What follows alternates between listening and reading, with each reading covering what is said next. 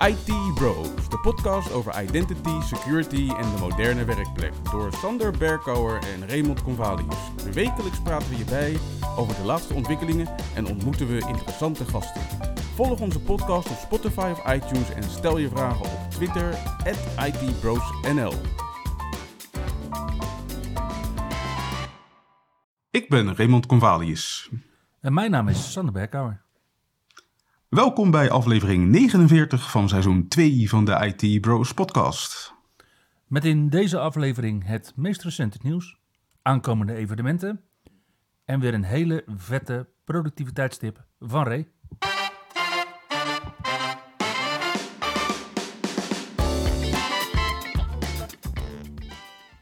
Ja, Ray, ik zou zeggen, trap het nieuws maar weer af. Ja, afgelopen week waren er weer een paar nieuwe builds in het kader van de Windows 11 Insider Channel. Voor Windows 11 kwamen op 28 november nieuwe builds uit in zowel de Developer Channel als in de Beta Channel.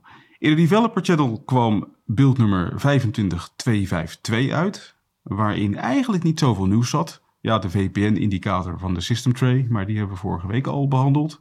Ja, dat was het blauwe schildje in plaats van het blauwe vinkje. Inderdaad.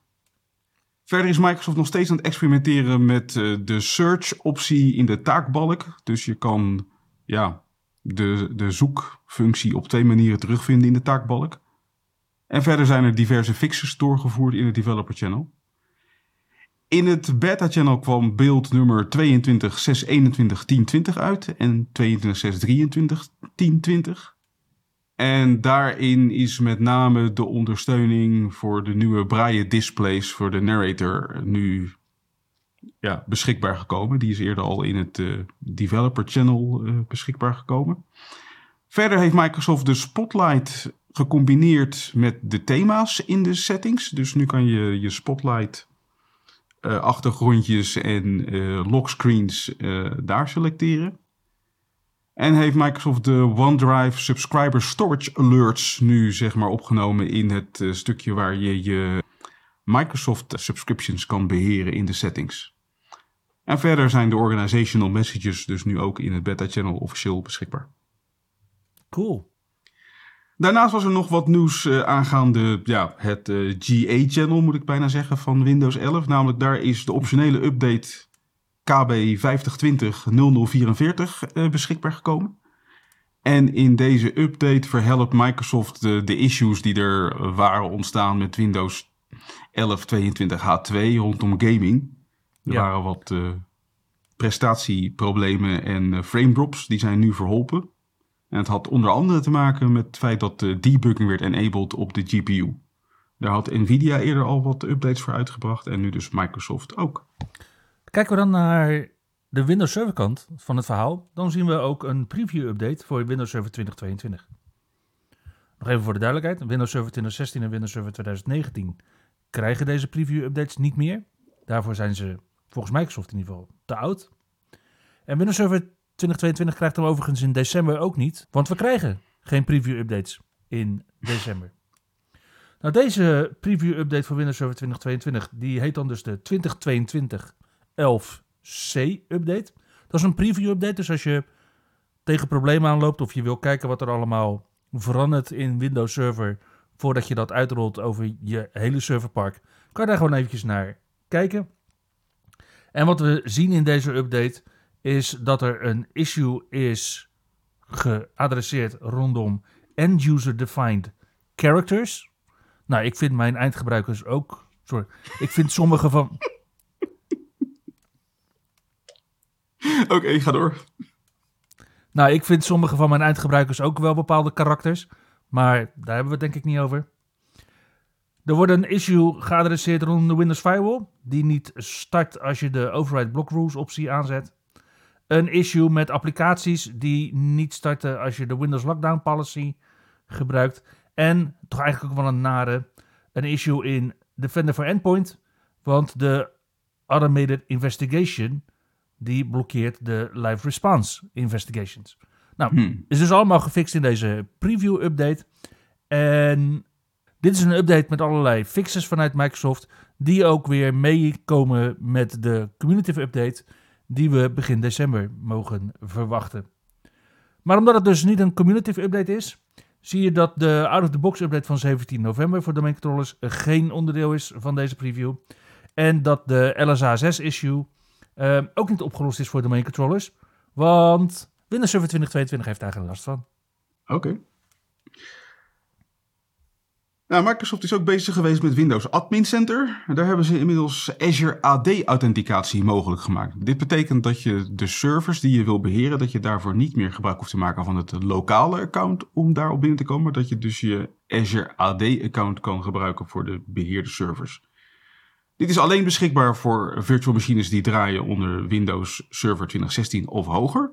Of je Azure Arc-enabled servers die je on-premises hebt draaien. Ja, we gaan het over Azure hebben. Vet.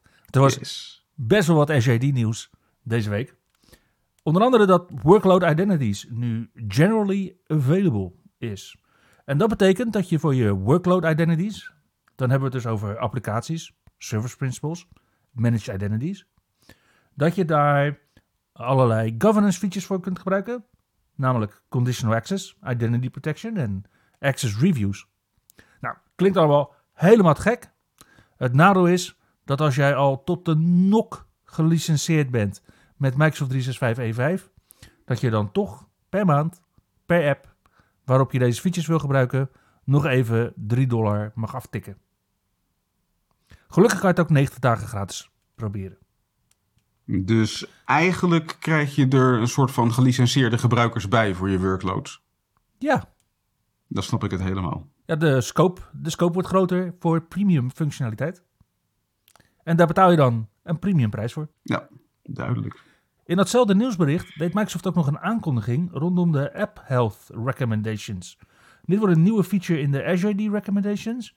En je krijgt met deze nieuwe Blade inzicht in ongebruikte applicaties, binnenkort verlopende aanmeldgegevens en ongebruikte aanmeldgegevens. Er is een public preview aangekondigd die één deze dagen van start gaat. Oké, dus ik moet me daarbij voorstellen dat je bijvoorbeeld eh, service principles hebt, waar je een, uh, heet het een app secret voor hebt aangemaakt. En als die binnenkort verloopt, dan krijg je daar een melding van hierin. Dan kun je dat in dat blade kun je dat zien. Nice. Dat die binnenkort verloopt. Ja, wordt die daar gerapporteerd. Nou, ben jij al langer met Azure AD bezig, dan is het ook goed om te weten dat Microsoft van plan is om de access policies te vervangen. Microsoft heeft daar een preview voor afgetrapt deze week met de naam Role-Based Access Control for Applications in Exchange Online. En als je nu zoiets hebt van, hé, hey, waar gaat dit over? Nou, we hadden het er met Topdesk natuurlijk al over, een tijdje geleden, dat als jij een applicatie gewoon toegang geeft tot Exchange Online, dat je dan een tenant-wide permissie krijgt. Dus dat betekent dat als jij mail.read krijgt bijvoorbeeld en je zet daar geen access policy op, dan kan jij alle mailboxen lezen. Mhm. Dat kun je terugbrengen naar een, een set van postvakken bijvoorbeeld met access policies. Ik vind ze best wel geniaal, alleen er zijn wat nadelen met die access policies. Namelijk, ze werken alleen in Exchange Online en niet in SharePoint. Ze werken alleen op uh, postvakniveau. Je kunt ze alleen instellen met PowerShell. Je kan er niet op rapporteren in de portal en dat soort dingen. En je kunt er maar maximaal 300 van hebben in je Microsoft 365 organization. Nou, dat klinkt als een slecht verhaal. Dat weet Microsoft inmiddels ook. Dat, uh, die feedback hebben ze ruim gekregen. Dus wat we nu hebben is een vervanger voor die access policies. En die heet dus Role-Based Access Control for Applications in Exchange Online. En het is beter, want je kunt nu scopes niet alleen op postvakken, maar ook gewoon op individuele mailtjes, op contacten en agendagegevens specificeren. En het is beter, want het gebruikt de Microsoft Graph. Ja, het is nu nog niet echt beter. Uh, want ja, je hebt nog steeds uh, PowerShell nodig. Maar Microsoft is aan het werk om dit in de eerste helft van het kalenderjaar 2023 uit te brengen. En als ze dan een G aangaan, dan komt het ook naar het portal. En dan werkt het ook met admin units. En dan komt het misschien ook wel naar andere Microsoft 365 diensten, zoals SharePoint. Is het dan alleen maar goed nieuws? Mm, nee, want wat je ziet is dat access policies die worden opgeslagen in Azure AD. En role-based access control voor apps worden dus opgeslagen in de service zelf. Dus waar we al eigenlijk jaren bezig zijn om alle beheerrollen terug te brengen naar Azure AD, zien we dat we dit dan toch weer bij de servers gaan leggen. Hmm, ja, oké. Ja, een beetje een rare gedachtegang. Ja, inderdaad. Maar als dit de weg voorwaarts is, nou, waarom niet? Ik ben heel benieuwd hoe dit uitpakt. Kijk er ook vanuit om ermee te gaan stoeien in de nabije toekomst. Nou, waar sommige mensen ook mee kunnen gaan stoeien in de nabije toekomst, is het insiderprogramma voor de Surface Duo. Dat is eh, de Android-telefoon van Microsoft, dat uh, Mhm. dubbelklappende toestel. En onlangs heeft gebruiker Gustav Mons ontdekt dat er in de user interface van de Surface Duo ergens diep, diep, diep begraven een optie zit om in te stellen in welke ring van de Windows, of moet zeggen van de Surface Duo Insider Preview programma je wil meedoen op je telefoon. Oké, cool. Nou, Microsoft heeft hier nog helemaal niks van bekendgemaakt, dus voorlopig is het nog een eh, groot gerucht. Mhm. Maar als je beschikt over een Surface Duo heb je dus iets om naar uit te kijken. Ja, als je als applicaties hebt gestandardiseerd op Surface Duo's, laat me weten wie je bent in de comments. Dan zou dit best wel eens handig kunnen zijn. Verder is Microsoft bezig met het uitbreiden van de feature set voor Microsoft Defender. Namelijk de Microsoft Defender Vulnerability Management. Die is geïntroduceerd in eh, mei 2022.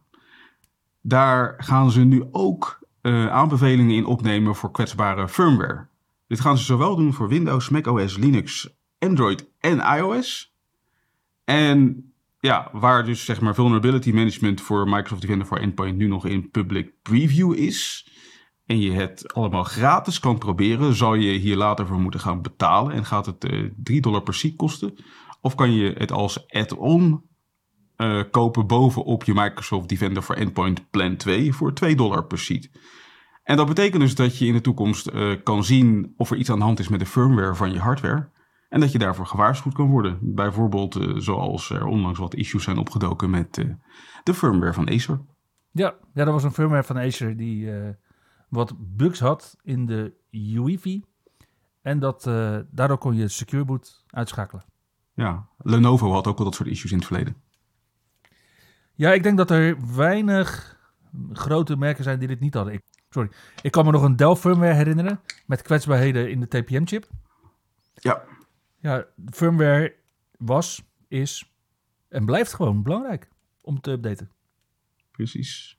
Mooie aanvulling dit op eh, vulnerability management. Zeker, zeker. Een andere vulnerability, ofwel ik moet zeggen heel veel andere vulnerabilities, zijn inmiddels opgelost door Nvidia. Die heeft een set eh, nieuwe eh, GPU display drivers en software die daarbij hoort uitgebracht voor zowel Linux als Windows. Omdat ze onder andere 25 kwetsbaarheden moesten wegwerken die in de vorige versie van de driver zaten. Waarvan eh, de meest prominente een CVSS-score had van 8.8. En ze hebben ja, diverse kwetsbaarheden die het weggewerkt. Die hadden te maken met code execution, denial of service, escalation of privileges, information disclosure en data tampering. Dat is ongeveer het hele portfolio. Ja, ja je kon eh, complete machines overnemen met de kwetsbaarheden die zijn ontdekt. Maar in ieder geval, het is eh, wijs om eh, de nieuwe GPU display drivers en software te, te downloaden van Nvidia en te installeren voor je apparaten. Nu was eh, LastPass afgelopen week ook in het nieuws. LastPass eh, had al een hack gerapporteerd uit augustus dit jaar. Mhm. Waarbij ze uitdrukkelijk hadden vermeld dat dit een hack was van het eh developer-platform van LastPass. En dat er geen gebruikersinformatie bij betrokken was. En volgens mij kan het ook helemaal niet bij LastPass, want volgens mij kan LastPass zelf ook niet bij jouw aanmeldgegevens. Nou, de wachtwoorden zijn eh, volgens LastPass inderdaad eh, niet in het geding. Maar er is inmiddels toch wel klantinformatie buitgemaakt. In ieder geval benaderd door de hackers. En men heeft nu eh Mandiant ingehuurd om hier nader onderzoek naar te doen. En ja, de precieze scope van deze hack zeg maar boven water te krijgen. En ja, LastPass geeft aan dat er binnenkort meer informatie zal volgen. Ja, dus ook al liggen je wachtwoorden dan niet op straat. Dus ook al ligt je wachtwoordkluis dan niet op straat, dan nog liggen je naam en adresgegevens en misschien ook wel je creditcard op straat. Wie weet. Nou ja, wat ook nog op straat kan komen te liggen is eh, ja, eigenlijk eh, van alles wanneer je wordt gehackt door je eigen nieuwsgierigheid. Als je gebruik maakt van, de, van TikTok, eh, heb je wellicht gezien dat daar momenteel een eh, populaire challenge gaande is. Namelijk eh, de TikTok Invisible Challenge. En het, eh, ja, het grappige, het leuke van deze challenge is dat je kan daar dus filmpjes opnemen in je naki. En dan kan je daar het invisible filter op loslaten. En dan haalt TikTok je lichaam uit het filmpje. Dat kan je vervolgens online zetten. Ray, wij moeten het toch echt eens hebben over jouw hobby's. die, gaat, niet, goed. Nou ja, in ieder geval, het resultaat is dus een, een filmpje waarbij je het silhouet ziet van je lichaam. Zonder het lichaam daadwerkelijk weer te geven. Nu begrijp je natuurlijk wel dat allerlei mensen dan nieuwsgierig kunnen zijn naar wat het filter dan heeft verwijderd. En een hacker heeft hier op een eh, ja, toch wel slinkse manier op ingespeeld. Door eh, de Unfilter app beschikbaar te stellen, zegt hij. Daarvoor moest je eerst even aanmelden op zijn eh, Discord server. En als je daar was aangemeld, dan kreeg je de mogelijkheid om dus eh, het, de Unfilter app te downloaden en te installeren. Ja, zodat jij kan zien wat dat... Ja, zodat je inderdaad kunt zien van... Hé, hey, wat, wat is dat derde been? Ja, nee. Precies. En wat blijkt?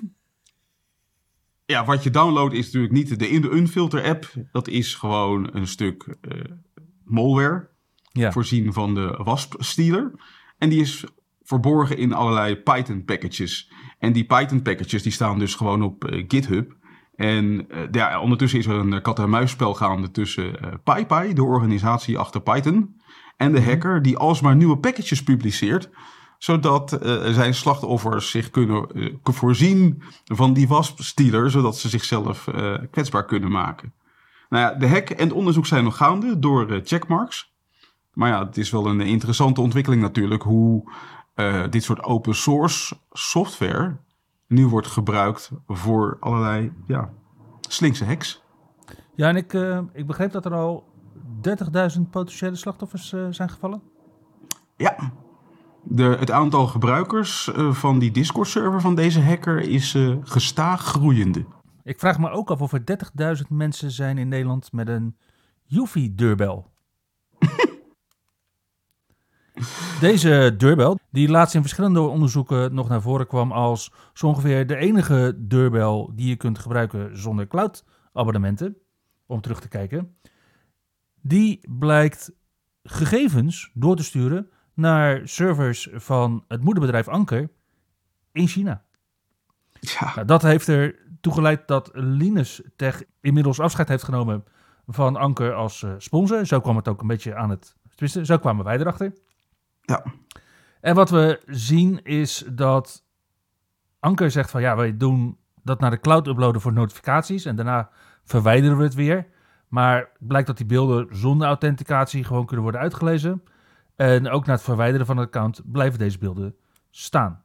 Nou, Yuffie erkent dus dit te doen, maar heeft nog geen oplossingen geboden. Ja, het zijn toch behoorlijke dure deurbellen. Tenminste, laatste natuurlijk niet met Black Friday, maar normaal gesproken ja, ben je daar toch wel een serieus bedrag aan kwijt. En dan is het jammer dat je op deze manier je vertrouwen beschaamd ziet worden. tja, ja, ik ben nog niet aan de smart deurbel. En ik begin nog steeds harder te twijfelen of ik het misschien, of ik het ooit wel ga doen. Ja, kijk, als consument heb je die keuze natuurlijk. Of je Mhm. dat soort slimme technologie wilt gaan toepassen. Als organisatie wat minder. En als organisatie denk ik ook dat je met de huidige snelheid van veranderingen er ook niet meer omheen kan dat je een goede dienstverlener moet inschakelen. De gemeente Hof van Twente twijfelt nu of ze wel een goede dienstverlener hebben ingeschakeld. Want na hun hack en de hele nasleep daarvan blijkt dat Hof van Twente nu een vergoeding eist van 4 miljoen euro van IT-bedrijf Switch. Want zij, sorry, want de gemeente vindt dat de dienstverlener verantwoordelijk is voor deze hack en de ransomware aanval en de heropbouw, omdat er een aantal dingen waren gedaan die gewoon niet door de beugel kunnen. In de kern van het verhaal gaat het over twee dingen. Ten eerste dat er een server op het internet beschikbaar was voor RDP, Nou, RDP, dat noemen wij niet eens meer Remote Desktop Protocol, maar Ransomware Deployment Protocol. Mhm. Dat moet je gewoon niet doen. En dat de gemeente zwakke wachtwoorden gebruikt. De verdediging van Switch hierbij is dat de gemeente de wachtwoorden instelde en dat de gemeente de aanpassing heeft gedaan op de firewall. Dus dat zij geen blaam treffen. De rechter heeft ze nu vier weken de tijd gegeven om er even samen uit te komen. En anders volgt alsnog een uitspraak. Tja. Ja, ik vind dit wel een verhaal. Ik bedoel, wat ik zelf nog wel eens meemaak bij dit soort situaties is natuurlijk dat eh, Switch ooit een aanbod heeft gedaan aan de gemeente voor eh, het beheren van die omgeving. Waarbij natuurlijk maar de vraag is wat er allemaal in heeft gezeten en wat er allemaal niet in heeft gezeten. Want ja, de gemeente beticht Switch ervan dat ze tienduizenden inlogpogingen niet voorbij hebben zien komen. Ja, denk ik van ja, werd dat wel gemonitord en betaalde de gemeente voor het monitoren van die mislukte inlogpogingen? En dat Switch niet had gezien dat er malware op de servers is geïnstalleerd. Nou ja, goed, wil je in een Windows-omgeving goed zien dat er malware wordt geïnstalleerd, dan heb je volgens mij iets als eh, een eh, Defender voor Endpoint nodig. en dat was er in 2020 nog niet. Precies. Dus dan zit je inderdaad aan een, aan een, aan een antivirus van een derde partij. Met inderdaad rapportagemogelijkheden te denken. Nou, dat komt wel veel voor. Maar ik heb geen zicht op wat daar de laatste stand van zaken is. Maar inderdaad, Nee. weet je, als je gebruik wil maken van de ingebouwde Defender antivirus. En daar centraal op wil rapporteren, dan is inderdaad eh, het eh, Defender for Endpoint plan 1 als onderdeel van Microsoft 365 E3 een goede optie. Ja, precies. Ja, moet je alleen wel even instellen. Ja, en, en het moet onderdeel zijn van het contract. En ik vraag me af in hoeverre dit soort zaken in het contract zijn opgenomen. Ja, kijk, en wat je sowieso al ziet, is dat heel veel grote partijen, als ze richting overheidsorganisaties diensten leveren, dat ze het meestal als dienstomschrijving beginnen met advies. Inderdaad. en dan is de vraag of het advies is overgenomen. Ja, Nou, afgelopen week eh, trakteerde jij mij nog op een heel leuk linkje van eh DutchITchannel.nl. ja ik moest hard Die, lachen. eh, ja, de titel van, van, van, van, van dit artikel riep bij mij meer vraagtekens op dan dat het antwoorden leverde. het luidde: Meer cyberaanvallen in de cloud maken gebruik van referentietoegang. We hebben een nieuw buzzword in het Nederlands: referentietoegang.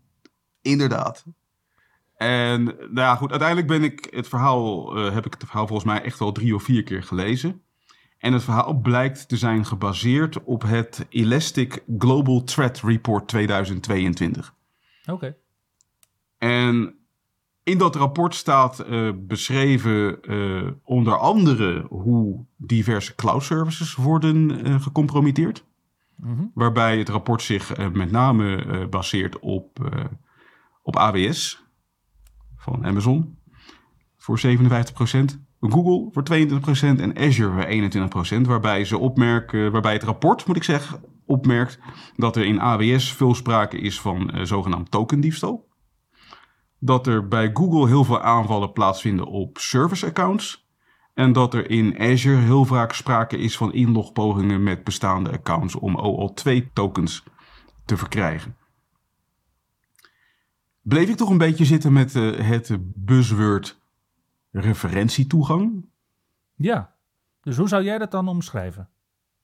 Ja, inloggegevens. Ja, eigenlijk wel, hè? Ja.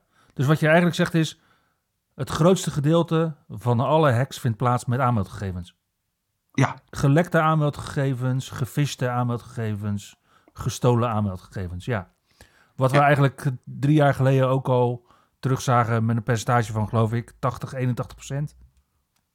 Ja, en het percentage blijkt volgens dit rapport nog veel hoger te zijn. Ik ben, uiteindelijk ben ik gewoon het rapport zelf maar eens gaan lezen. En in het rapport staat dus van, ja, luister eens, eh, bij cloud service provider credentials wordt 58% van de cre- credentials wordt verkregen met brute force attacks. 41% wordt verkregen met token diefstal. En uiteindelijk maar 0,9% met phishing. Oké. Maar bij elkaar opgeteld is dat dus wel eventjes gewoon eh, ja, ruim 99% van de credentials die worden verkregen. Met inderdaad diverse vormen van accountdiefstal. Overigens ging het rapport over nog veel meer. En dat vond ik wel leuk om nog eventjes uh, doorheen te bladeren. Is dat uh, het rapport eigenlijk aangeeft dat Microsoft door macro's te disabelen in Office uh, de criminelen nu wel forceert om op andere manieren hun payloads te gaan uh, distribueren. En, en die zijn dus nu grootschalig aan het ver, verschuiven richting ISO's voor het uh, verspreiden van de payloads en linkbestandjes. En verder geven ze ook nog hun voorspellingen voor het komende jaar, wat ze verwachten, wat er gaat, gaat gebeuren, zeg maar, qua malware. En dan geven ze aan van luister eens, Heel veel malware maakt al gebruik van de ingebouwde tooling in Windows. Dus met name PowerShell en WMI zijn daar erg -hmm. populair. En dat zal ook zo blijven. Nou nee, want WMI gaat eruit. Maar het blijft een target, zolang het er nog is. Ja, zolang het er nog is. Zolang mensen nog Windows 8.1 blijven gebruiken, nog ondersteuning voor anderhalve week. Ja. Zou je dat blijven zien, ja. Verder zie je dat men aanbeveelt om toch vooral richting uh, multifactor authenticatie en identity protection te gaan bewegen. Mm -hmm. ja, dus wat dat betreft, ja, voor mij toch echt wel heel erg een open deur die men daar aan het intrappen is. Ja, en wat je ziet ook bij token diefstal is dat Microsoft nu aangeeft van, zeg dan niet alleen MFA aan als eis, maar geef ook apparaatvereisten mee. Ja, precies. Verder ziet men een trend dat uh, virtuele machines die gebruikt worden voor DevOps steeds meer een target worden voor de criminelen. Oké. Okay. En de grote aanbeveling is toch wel om als organisatie te gaan investeren in uh, wat ze noemen response techniques. Mm. Dus eigenlijk bereid je voor op dat je op een dag gehackt wordt. Dus zorg ervoor dat je in staat bent om snel je infrastructuur opnieuw op te bouwen dat je snel in staat bent om alle account-wachtwoorden te resetten. Dat je uh, je DNS kan aanpassen zodat er een sinkhole ontstaat en je het verkeer naar een hackende partij kan blokkeren. Of dat je IP-adressen kan blokkeren van of naar bepaalde hosts, zodat je de zaak kan veiligstellen. En natuurlijk zorg ervoor dat je backups, dat je die kan restoren. Daar hebben we het laatst ook vrij uitgebreid over gehad natuurlijk. Zeker, ja. Ja, en als jij het over IP-adressen hebt, dan uh, gaan we het binnenkort ook over Azure die met IPv6-adressen hebben. Dus mensen, denk alsjeblieft niet alleen meer aan IPv4.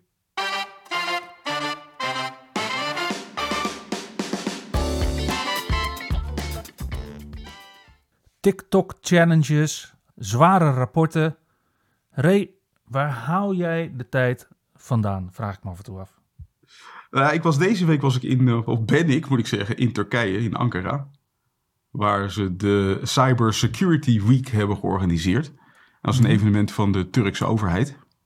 Waarin de Turkse overheid heel veel aandacht schenkt aan uh, ja, cyber resilience. En dat vind ik toch echt wel een hele mooie uh, ja, ontwikkeling. Uh, de Cyber Security Week werd overigens geopend met een speech van president Erdogan. En ik zou het wel een mooie ontwikkeling vinden als we een keertje in Nederland een Cybersecurity Week hebben. Die wordt geopend door uh, premier Rutte bijvoorbeeld. Ja, laten we dat even afpellen. nee, laten we dat vooral niet doen. nee. nee, maar we hebben wel evenementen komende week die in die richting gaan. Ook in Nederland. Maar we beginnen met een wat internationaal evenement. Want aankomende week vindt namelijk Black Hat Europe plaats. En dit in-person evenement vindt plaats in Londen. En daarna kunnen de sessies virtueel op basis van opnames nog eens worden teruggeluisterd. Op 6 december kan je vervolgens virtueel aansluiten bij de Windows Server Summit. En ja, de Windows Server Summit is een evenement van anderhalf uur wat ingaat op de ontwikkelingen rond Windows Server van Microsoft. En dan zitten we alweer op woensdag 7 december, maar ook al op donderdag 8 december. Want dan vindt de Cloud Expo 2022 plaats. Op woensdag de hele dag van half tien tot zes en aansluitend een netwerkborrel met live muziek. En dan op donderdag van half tien tot vijf De tickets hiervoor zijn gratis en het vindt plaats in de expo in Houten. Ja, en die donderdag 8 december, dat is wel echt een drukke dag. Want dan hebben we ook de Cloud Security visie in Zeist. Dat is ook een hele dag. En hier wordt geschermd met een gratis lunch. Oftewel, het oude gezegde: There is no such thing as a free lunch. wordt weer van stal gehaald om evenementen te promoten. Nou, degene die dan geen gratis lunch biedt, maar wel heel veel diepe informatie op 8 december, is Netscaper. Want zij bieden je een webinar van 3 tot half 5 s middags aan over gegevensverliesbescherming. En dan kan jij je misschien nog wel herinneren dat we het daar laatst over hadden in het, uh, in het Microsoft Threat Report. Mhm. Dat 92% van Microsoft 365 organisaties DLP gewoon nog niet inzet. Dus zit jij daarbij, bij dat grote percentage, dan zou dit wel eens het ideale opstapje kunnen zijn. Ja. En dan is het programma nog niet eens voorbij voor 8 december. Want vanaf 6 uur s avonds organiseert CITAC de Azure Night. En hier uh, komen er een aantal presentaties voorbij van onder andere Leo Visser en Carlo Sacchi. Waarbij in wordt gegaan op de visualisatie van Azure Network Traffic en confidential computing op Azure. De avond wordt afgesloten met pizza, bier en networking. En vindt plaats in Amsterdam. Nou, via Amsterdam te ver rijden, dan kun je op vrijdag 9 december, s middags, aansluiten bij de SuperTech Friday in Delft. Waar vriend van de show Jeff Wouters een presentatie, sorry, een interactieve workshop verzorgt.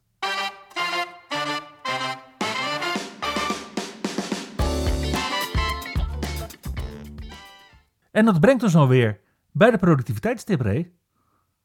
Yes, en deze week uh, wil ik ingaan op uh, ja, een nieuwe feature van Outlook. Die uh, lang verwacht en, lang en naar werd uitgekeken. Namelijk de roaming signatures, oftewel roaming handtekeningen in Outlook.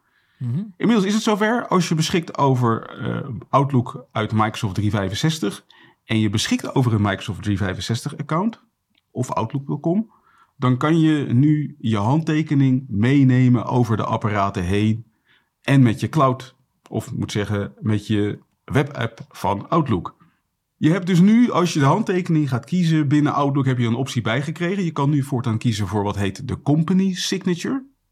En je hoeft dus niet, je hoeft dus niet meer op al, al je apparaten je handtekening opnieuw in te stellen. Het is wel zo dat dit alleen werkt wanneer je dus beschikt over een Microsoft 365 of een Outlook.com account. Als je nog op een on-prem Exchange server werkt, heb je deze optie helaas niet. En op on-prem Exchange servers heb je sowieso natuurlijk nog uh, de mogelijkheid om dingen te doen zoals uh, IMAP en POP3. En dat blijft zelfs werken in 2023. Mm -hmm. Maar ook daar werkt het niet mee samen. Nee. Nou, en mocht jouw organisatie gebruik maken van een add-in die iets doet met je handtekening, ja, Ja. dan gaat het natuurlijk eh, onherroepelijk stuk wanneer je naar de company signature gaat. Hmm. En in dat geval kan je als organisatie zijnde nog even gebruik maken van een registry key om eh, ja, de migratie naar company signatures te disabelen. Maar al met al een hele welkome uitbreiding van de functionaliteiten van Outlook. En daarmee komen we aan het eind van aflevering 49 van seizoen 2 van de IT Bros podcast. Dankjewel voor het luisteren en tot de volgende keer. Tot de volgende keer. Je luisterde naar IT Bros, de wekelijkse podcast over identity, security en de moderne werkplek. Abonneer je op Spotify, iTunes of Google Podcast als je de volgende aflevering niet wilt missen. Heb je hints of tips? Laat dan van je horen op Twitter. @itbrosnl.